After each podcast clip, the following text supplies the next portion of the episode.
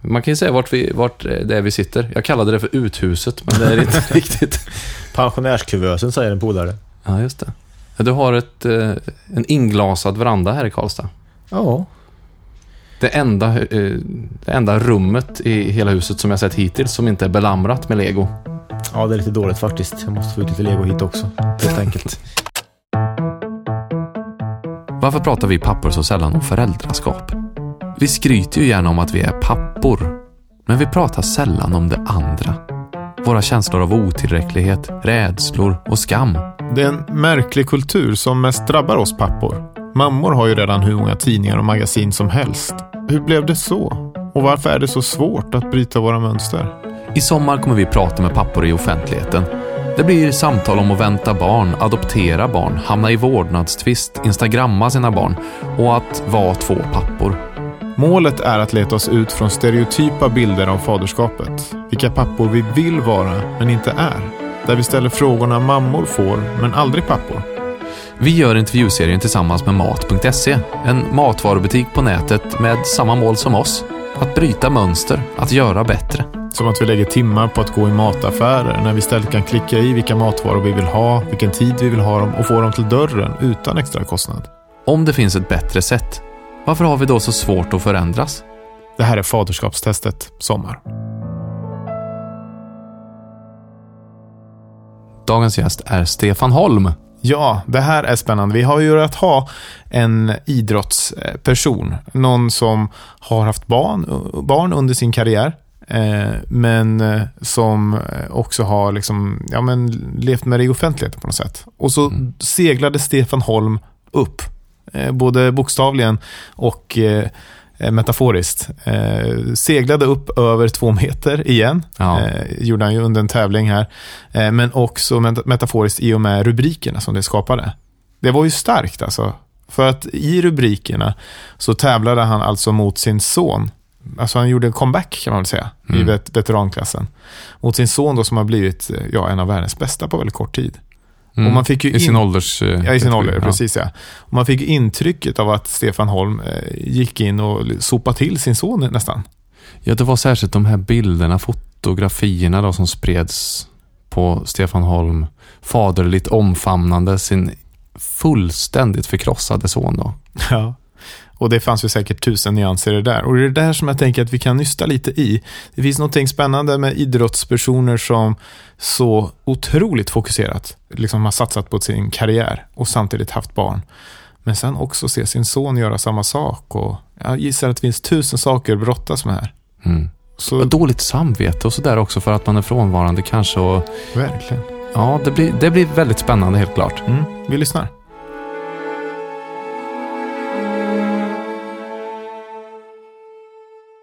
Först och främst vill jag säga att det känns fantastiskt kul att få sitta här med dig, Stefan Holm. En eh, legendar ju. Alltså, Tackar.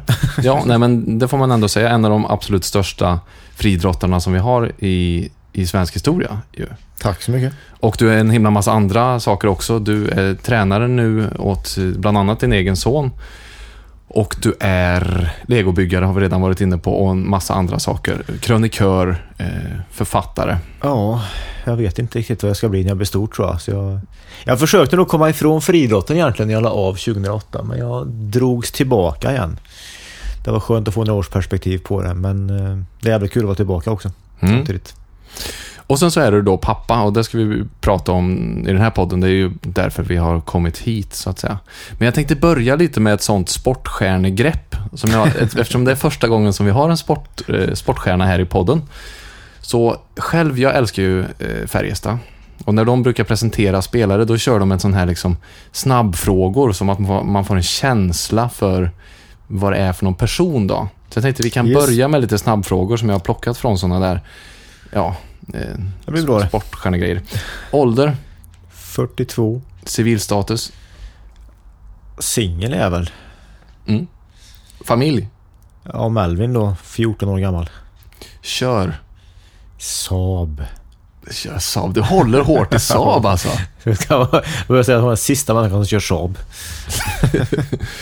eh, lyssna på? Ja, inte något specifikt. Det är ganska splittrat faktiskt. Men det är väl mycket musik i ditt liv va? Ja, det har varit mer musik förr. Nu är det mer när man tränar, går kvar radion igång. Men jag har en Kent-tröja på mig. De har ju tyvärr lagt ner, men de håller jag fortfarande ganska högt. Du kör mycket på sådana här, som, sånt som har lagt ner Saab och... Ja, alltså min musikaliska utveckling tog slut vid millennieskiftet. Så jag lyssnar på samma skivor nu som då i stort sett. Mm. Fortfarande Winnerbäck, Söndermarken och sådär i bilen liksom. Håller på. Östra Deje IK. Bra. Läser. Det mesta faktiskt. Eh, Just nu är jag in between books, så jag får se vad det ska bli härnäst. Jag ska ut och resa snart, så det blir väl något då. Men eh, ja, det är vad som Anna faller på för stunden faktiskt. Du brukar liksom rycka en bok på flygplatsen mycket eller? Ganska mycket så. Om det liksom inte är någon av de här eh, favoritförfattarna jag har så kommer något nytt. Då blir det liksom det som får förtur. Annars är det ofta något som ser intressant ut. Försöker läsa mer kvinnliga författare, men det går sådär tyvärr. Mm. Favoritmat? Jag brukar alltid svara mammas lasagne på den och det är ett dumt svar för jag har inte ätit den sedan 2001 tror jag. Eh, Men min egen lasagne är ganska bra den också. Jag älskar med dig att du har koll på vilket år som du senast åt din mammas lasagne. Oh. Det är ändå bra. Eh, favoritfilm? Tillbaka till framtiden. Det här, det här är ju svårare egentligen, men det brukar ofta finnas med. Livsmotto. Det ordnar sig. Och ordnar det sig inte så. Kvetter det. Just Det är det. värmlänningen då. Ja, men det är bra. Den sista då. En sak som många inte vet med mig. Den måste du ha fått tusen gånger, Ja, jag. och jag är så ute och invänd i media i 20 års tid. Jag tror inte det finns någonting kvar längre faktiskt. Är det så? Då ska jag fråga som eh, Lasse Brandby frågade Patrik Sjöberg också. Hur fort ho- hoppar du? Oh, hur brett hopp jag brukar få annars. Men Ja, det. det går rätt fort faktiskt. Det går inte lika fort nu som det gjorde förr, dock. Nej. Heller inte lika högt.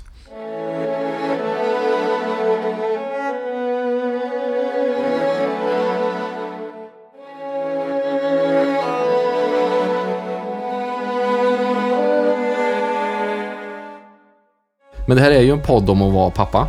Och jag tänkte vi kunde börja med dina föräldrar. Du har haft en väldig uppbackning från hemmet, känns det som, när man har sett det så här utifrån i alla fall. Jo, men det stämmer. När jag spelade pojkfotboll i, i Östra Deje så blev ju pappa ganska snart tränare för pojklaget. Han hade hand om A-laget något år, sen så tröttnade han på det och då tog han hand om pojklaget jag spelade. Och sen började jag åka längdskidor några år och ganska snart var han ju liksom involverad som tränare även i längdskidåkningen. Och så började jag med friidrott och då det drog inte länge innan han var tränare i friidrotten också, så han har liksom alltid funnits med.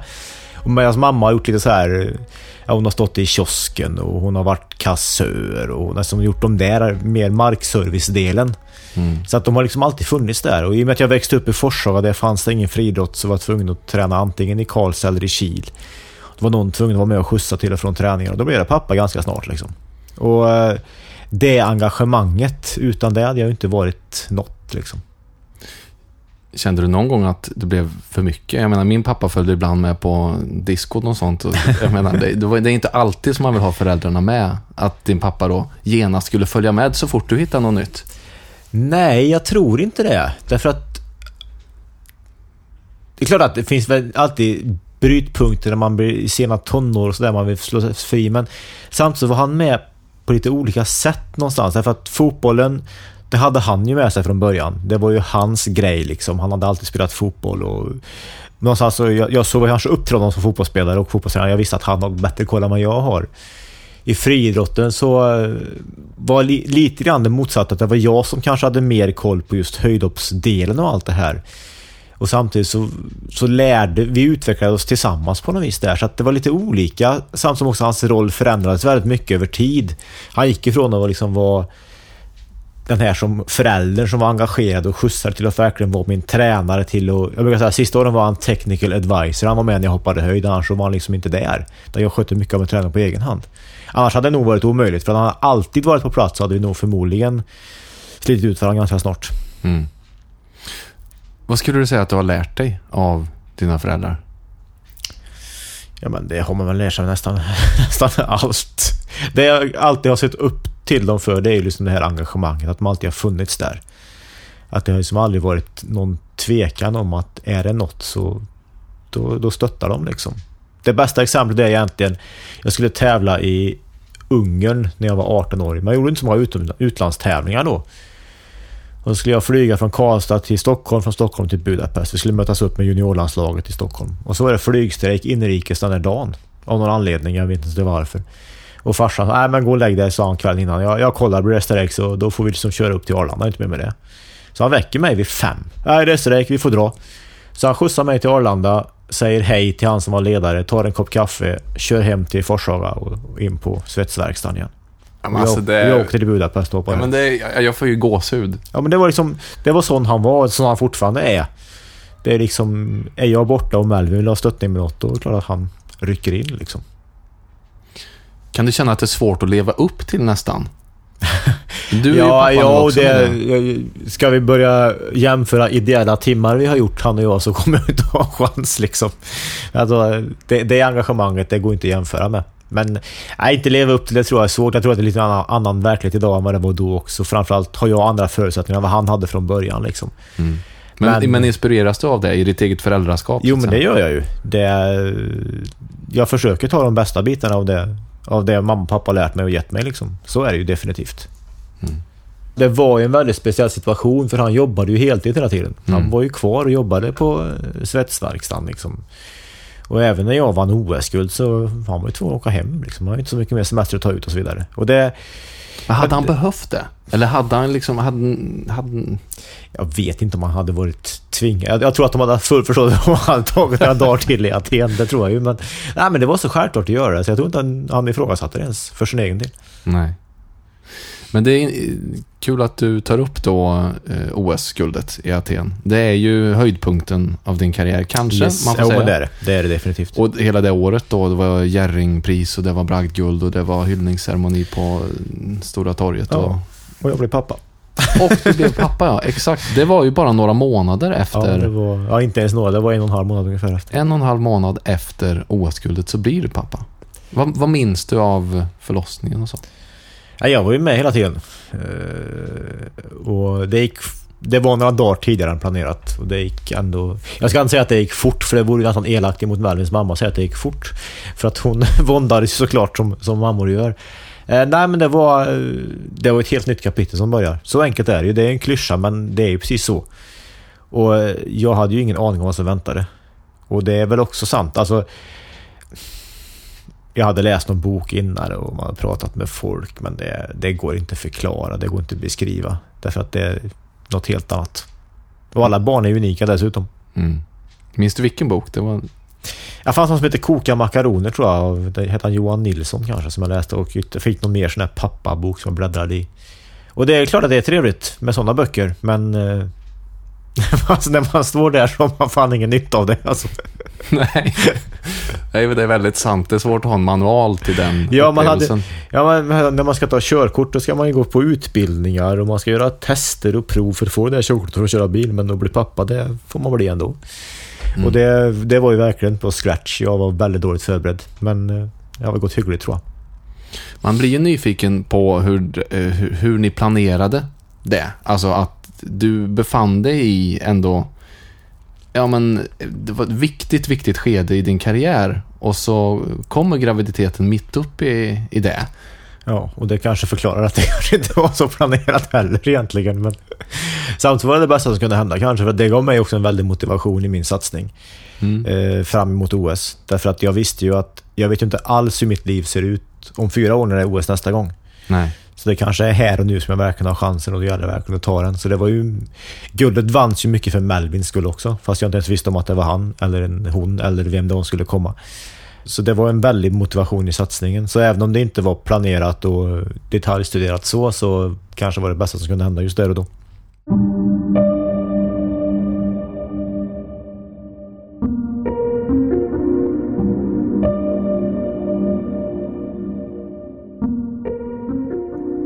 Hur blev det sen då när han, när han kom? För det var ju fortsatta satsningar. Så är det ju i en elitidrottares karriär. Det går ju inte att...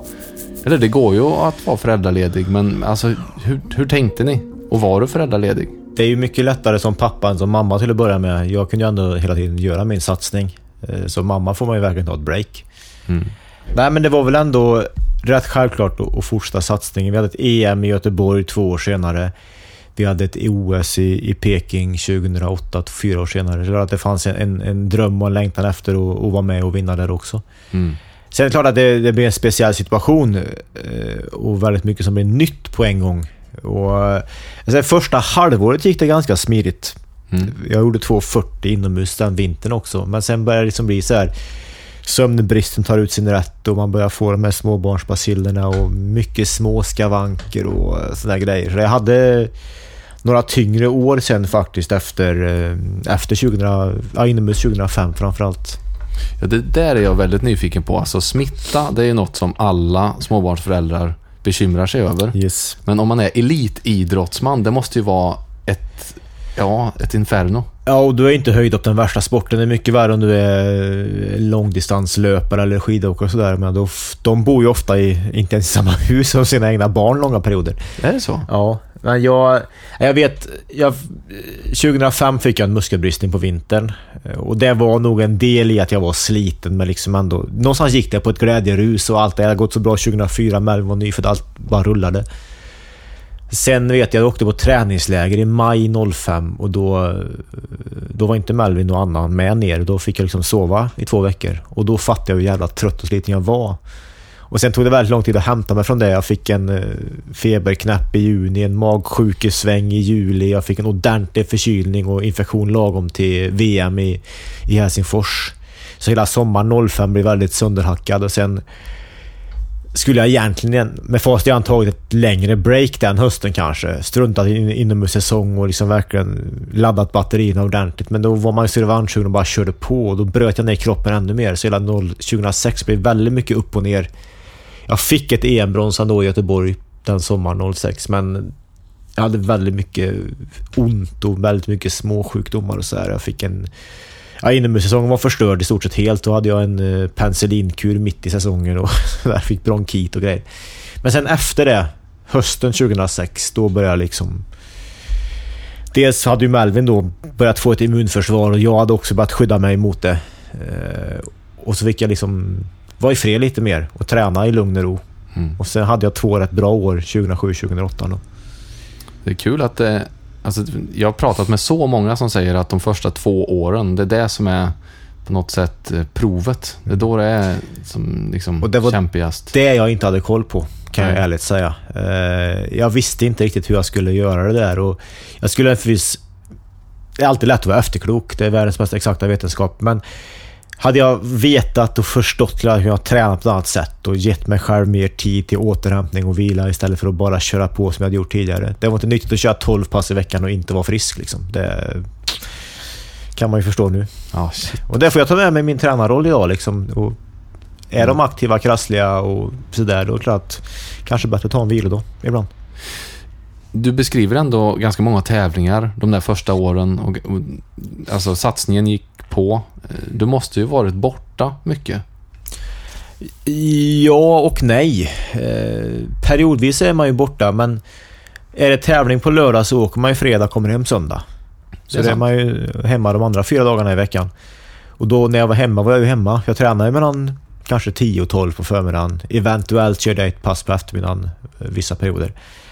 Eh, men däremellan var jag ju hemma hela tiden. Så jag åt ju frukost med Mellan i princip varje dag eh, de första åren.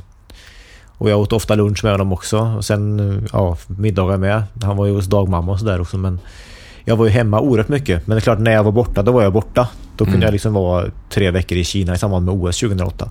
Just det. Eller eh, ja, träningsläger två veckor liksom. Och de inte var med där. Hur hade ni kontakt då? Det tycker jag är spännande. Nu ringer man ju, nu facetimar man ju. Ja, nu är det hur lätt som helst. Nej, då var det man fick ringa liksom. Ja. Men eh, det är ju skillnad nu. Det, kan man, det fanns ju ingen Skype och det fanns ju inte Facetime som det gör idag. När jag var... Det, det har varit mycket lättare när jag varit borta senare då. Jag vet eh, vinter-OS 2014 när jag var med IOK där. Då kunde jag och Melvin liksom eh, skypa hans, hemle, hans läxor och sådär. Mm.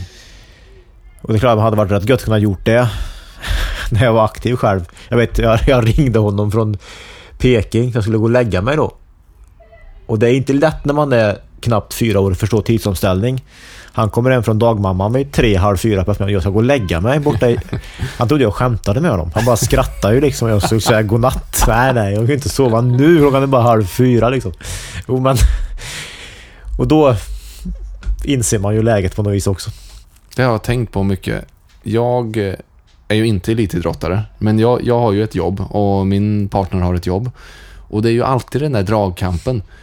Vems jobb betyder mest? För att nu måste vi...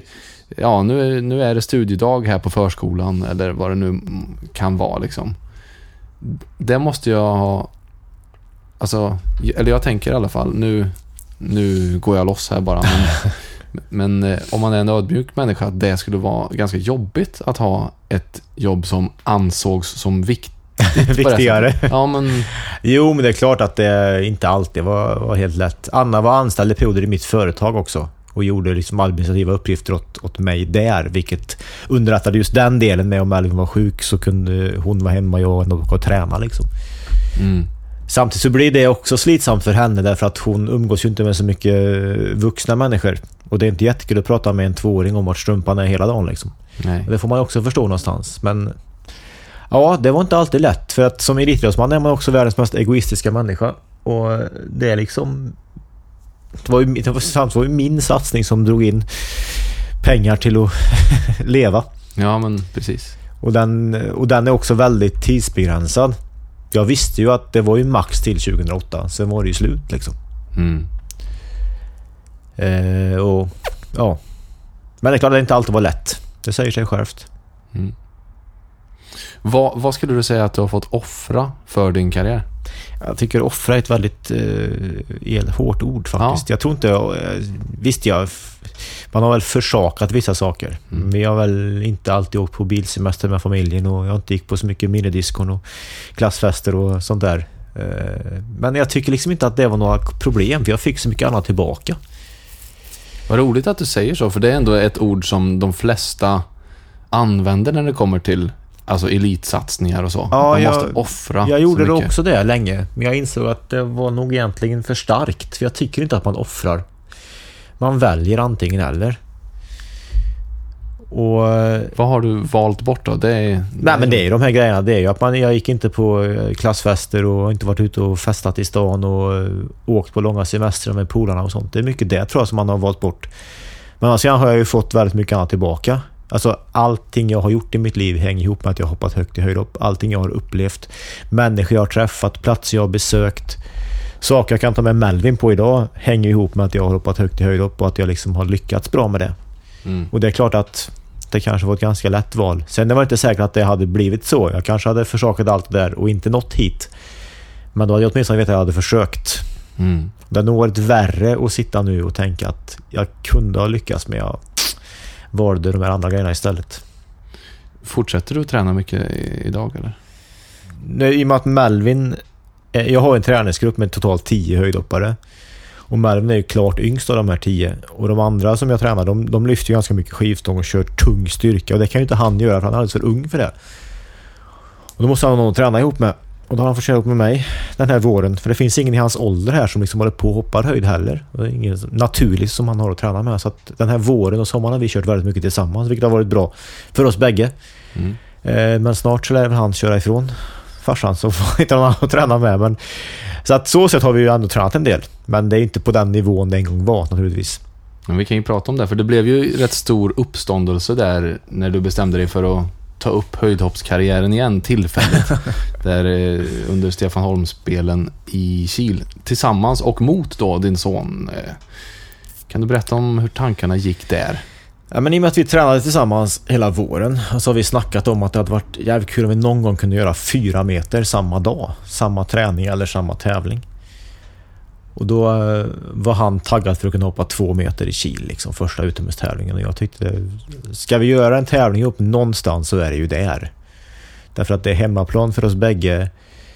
Min pappa är med som funktionär. De har till och med döpt tävlingen efter mig. Det är liksom en miljö där vi båda känner oss trygga och lugna och sådär. Eh, Sen blev det väldigt mycket media omkring det naturligtvis. Men Mm. jag såg det som att det var en tävling mellan oss två. En tävling med, alltså tillsammans. Men jag tror, alltså bilderna som sen spreds då, Ja. på när han är helt förkrossad och du tröstar honom Jo. och har honom i dina armar. att Det var, och så är det väl i dagens klimat också, att man ser bilden och så Ja. tänker man inte längre. Men han var ju väldigt besviken att han inte tog två meter själv. Och han Ja. tyckte liksom att eh, nästan han hade förstört för mig för att jag tog två meter och inte han. Men så var det ju inte. Så det var en rolig grej. Och jag, som jag sa då också, jag hade gärna bytt plats med att han fick hoppa två meter och jag hade rivit ut. Men det har inte varit något problem. Men ja, det blir ju så. Det blir, det blir så svart och vitt hela tiden, tyvärr. Det, och det, det går ju igenom egentligen i allt i samhället. Det blir väldigt onyanserat ofta. Kommer ni fortsätta satsningen mot fyra meter? Jag vet inte. Vi är, det är möjligt att vi kan göra det på träning framöver. Det kanske räcker att jag hoppar 1,90 på träning om ett år för att han kommer göra 2,10 liksom. Eh, Men vi får ju se. Jag menar, det är möjligt att jag tycker det är kul att tävla någon mer gång och att han råkar tävla på samma ställe eller att vi... Mm. Det vet jag inte. I Expressen så stod det då också att du aldrig förlorat mot honom, inte ens på träning. Eh, eh, Stämmer det eller? Inte, höjdhopp har faktiskt inte hoppat högre än mig på något träningspass som jag har lyckats fullfölja. Jag fick en mindre bristning i vintras så hoppade han först högre än mig. Men... Nej, jag har inte gjort det än, men han kommer väl göra det snart hoppas jag. Däremot slår han mig väldigt mycket annat på träning. Mer och mer grejer slår han mig, ska jag säga. Och det är väl det som är utveckling också. Hur känns det för dig? Det känns väl bra att han utvecklas och att jag avvecklas. Men eh, jag räknar med att han... Att jag får sluta hoppa höjd snart innan han slår mig kanske. Men det är ju intressant ändå eftersom det där är något som alla som är pappa eller mamma eh, alltså brottas med. Hur mycket ska man låta sina barn vinna och hur mycket ska man eh, Ja, men uppmuntra den här? Är man 13-14 år så, så då förstår han ju om jag försöker att fejka liksom. Det var Mm. en sak om man vore tre och vi spelar Fia med knuff. Men jag menar, han har sett så mycket höjdhopp. Och han har sett mig hoppa så mycket höjdhopp så han ser ju om jag... Jag kan inte göra mig till liksom. Det blir bara löjligt.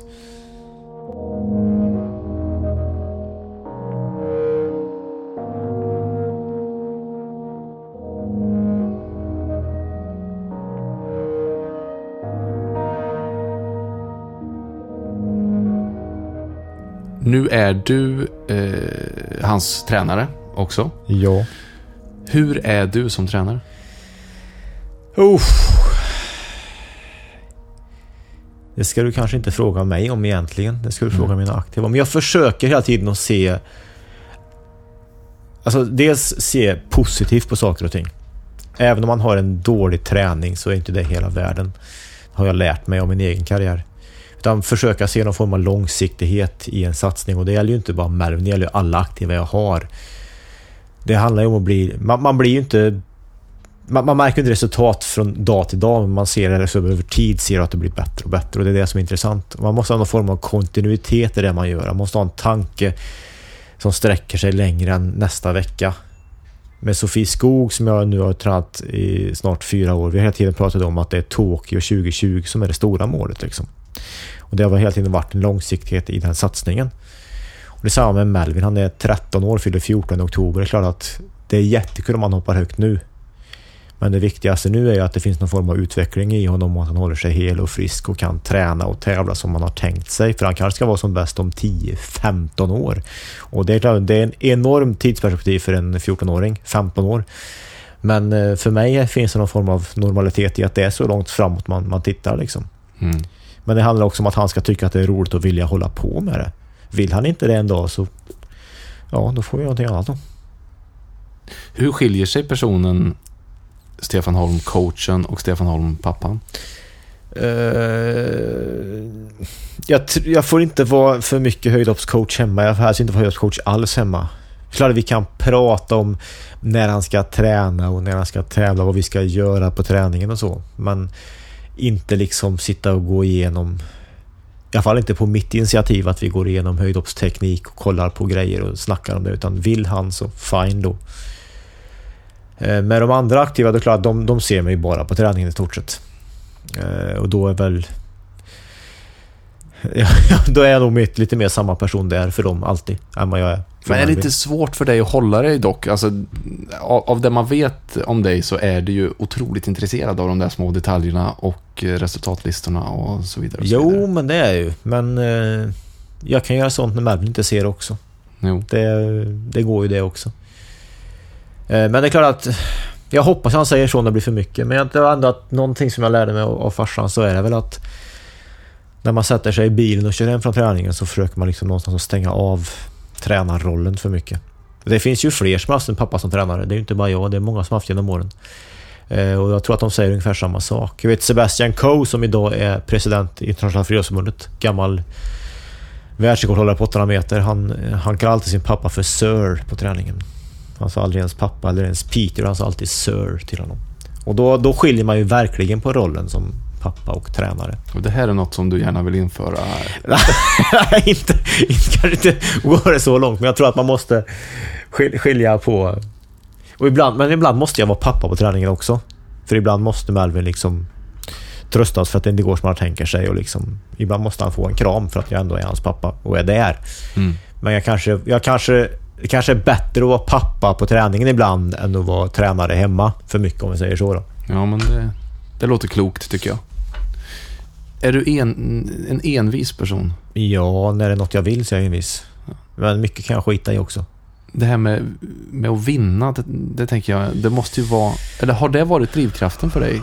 Det, det, som aktiv var det drivkraften. Jag ville vinna tävlingar. Jag ville vinna stora mästerskap. Jag ville vinna, ville, ville, ville vinna titlar liksom. Sen har jag väl släppt den delen i mycket annat som inte rör idrott liksom. Spelar vi Monopol eller kort, det är skit väl samma. Eller spelar vi Fifa på tv-spel, klart jag vill vinna men jag släpper det ganska fort liksom. Men som höjdhoppare när jag var elitaktiv, då var det bara det det handlade om. Mm. Men jag tänker de stunderna som du också varit inne på lite grann nu, när det inte ville sig. När skador kom emellan eller ribban inte ville ligga kvar och så. Vad, vad har du lärt dig av de stunderna, alltså dina motgångar? Jag brukar säga att jag är nog en klokare höjdhoppare idag än vad jag var för tio år sedan jag la av. Jag har lärt mig väldigt mycket. Dels för att jag fick perspektiv några år när jag inte var involverad i friidrotten nästan alls. Och dels för att jag liksom har blivit äldre och kanske klokare av det också. Jag tror att jag hade, framförallt om man säger då den här hösten, jag hade mycket skadebekymmer och sjukdomsproblem, att jag tror jag hade behandlat det på ett bättre sätt idag än jag gjorde då. Och det får jag väl naturligtvis använda på mina aktiva. Jag brukar säga att ibland är den bästa träningen faktiskt att vila en dag. Därför att är man sliten och trött då bryter det bara ner att åka och träna. Och är du lite småförkyld kanske, då kanske det är värt att ta en vilodag. Men jag upplevde allt som att vilar jag så fuskar jag liksom. Jag måste träna. Oavsett hur jag mår så måste jag träna. Fan, om jag har 40 års feber så måste jag träna. För de andra tränar och jag måste också göra det. Mm. Och där, den delen är jag nog mycket, mycket klokare idag än jag var då. Plus att jag kanske också har mer av förståelse för liksom, hur man tar hand om skador och ja, all, allting är inte här nu. Jag, jag, jag upplever att jag har mycket, mycket mer tid nu än vad jag hade när jag var aktiv själv. När jag var aktiv själv då var ett träningspass, ett dåligt höjdpass kunde liksom vara hela världen. Idag gör de aktiva dåligt höjdpass, ja men fine då. Det är ju kanske 8-10 pass kvar till första tävlingen. Det är lugnt liksom. Men som mm. aktiv så var det jävligt stressigt här och nu hela tiden. Apropå tidsperspektivet då. Hur tror du Melvin kommer att beskriva dig om 20 år? ja, förhoppningsvis i positiva ordalag. Förhoppningsvis åt något håll som jag beskriver min egen far. Kan vi alltid hoppas på och drömma om. Någon som ställde upp och någon som fanns där och hjälpte honom och stöttade honom när de behövde det.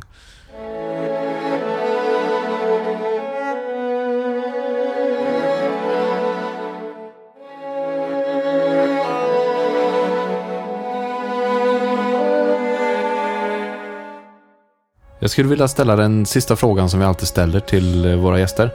Och det är om du har tre råd utifrån ditt eget föräldraskap, din, din, din, egen erfarenhet som pappa, som du skulle kunna tänka dig att ge till nyblivna föräldrar kanske?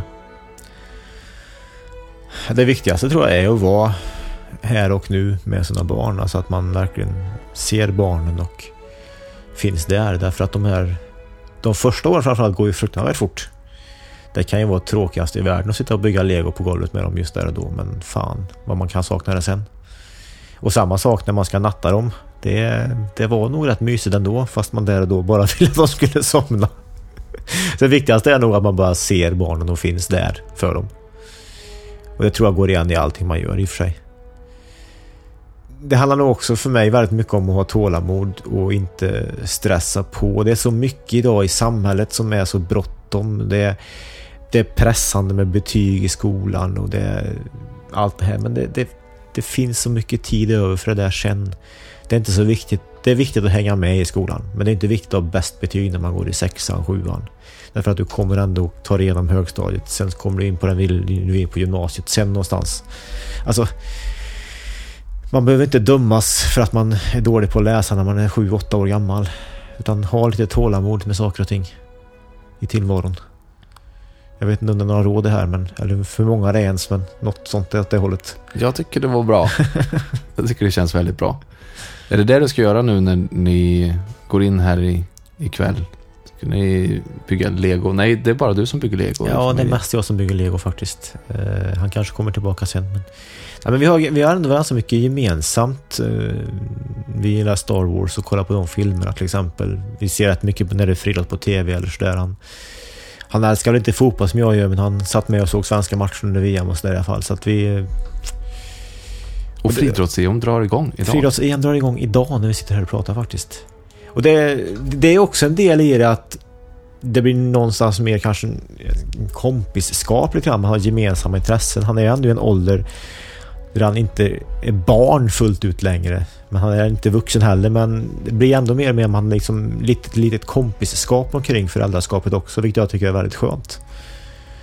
Och att han tar mer egna beslut och gör mer egna grejer och sådär. Vilket är gött. Ja.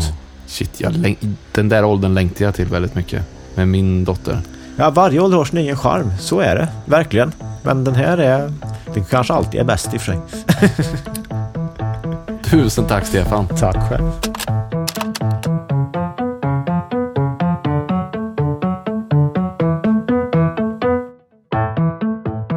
Faderskapstestet görs i samarbete med Mat.se.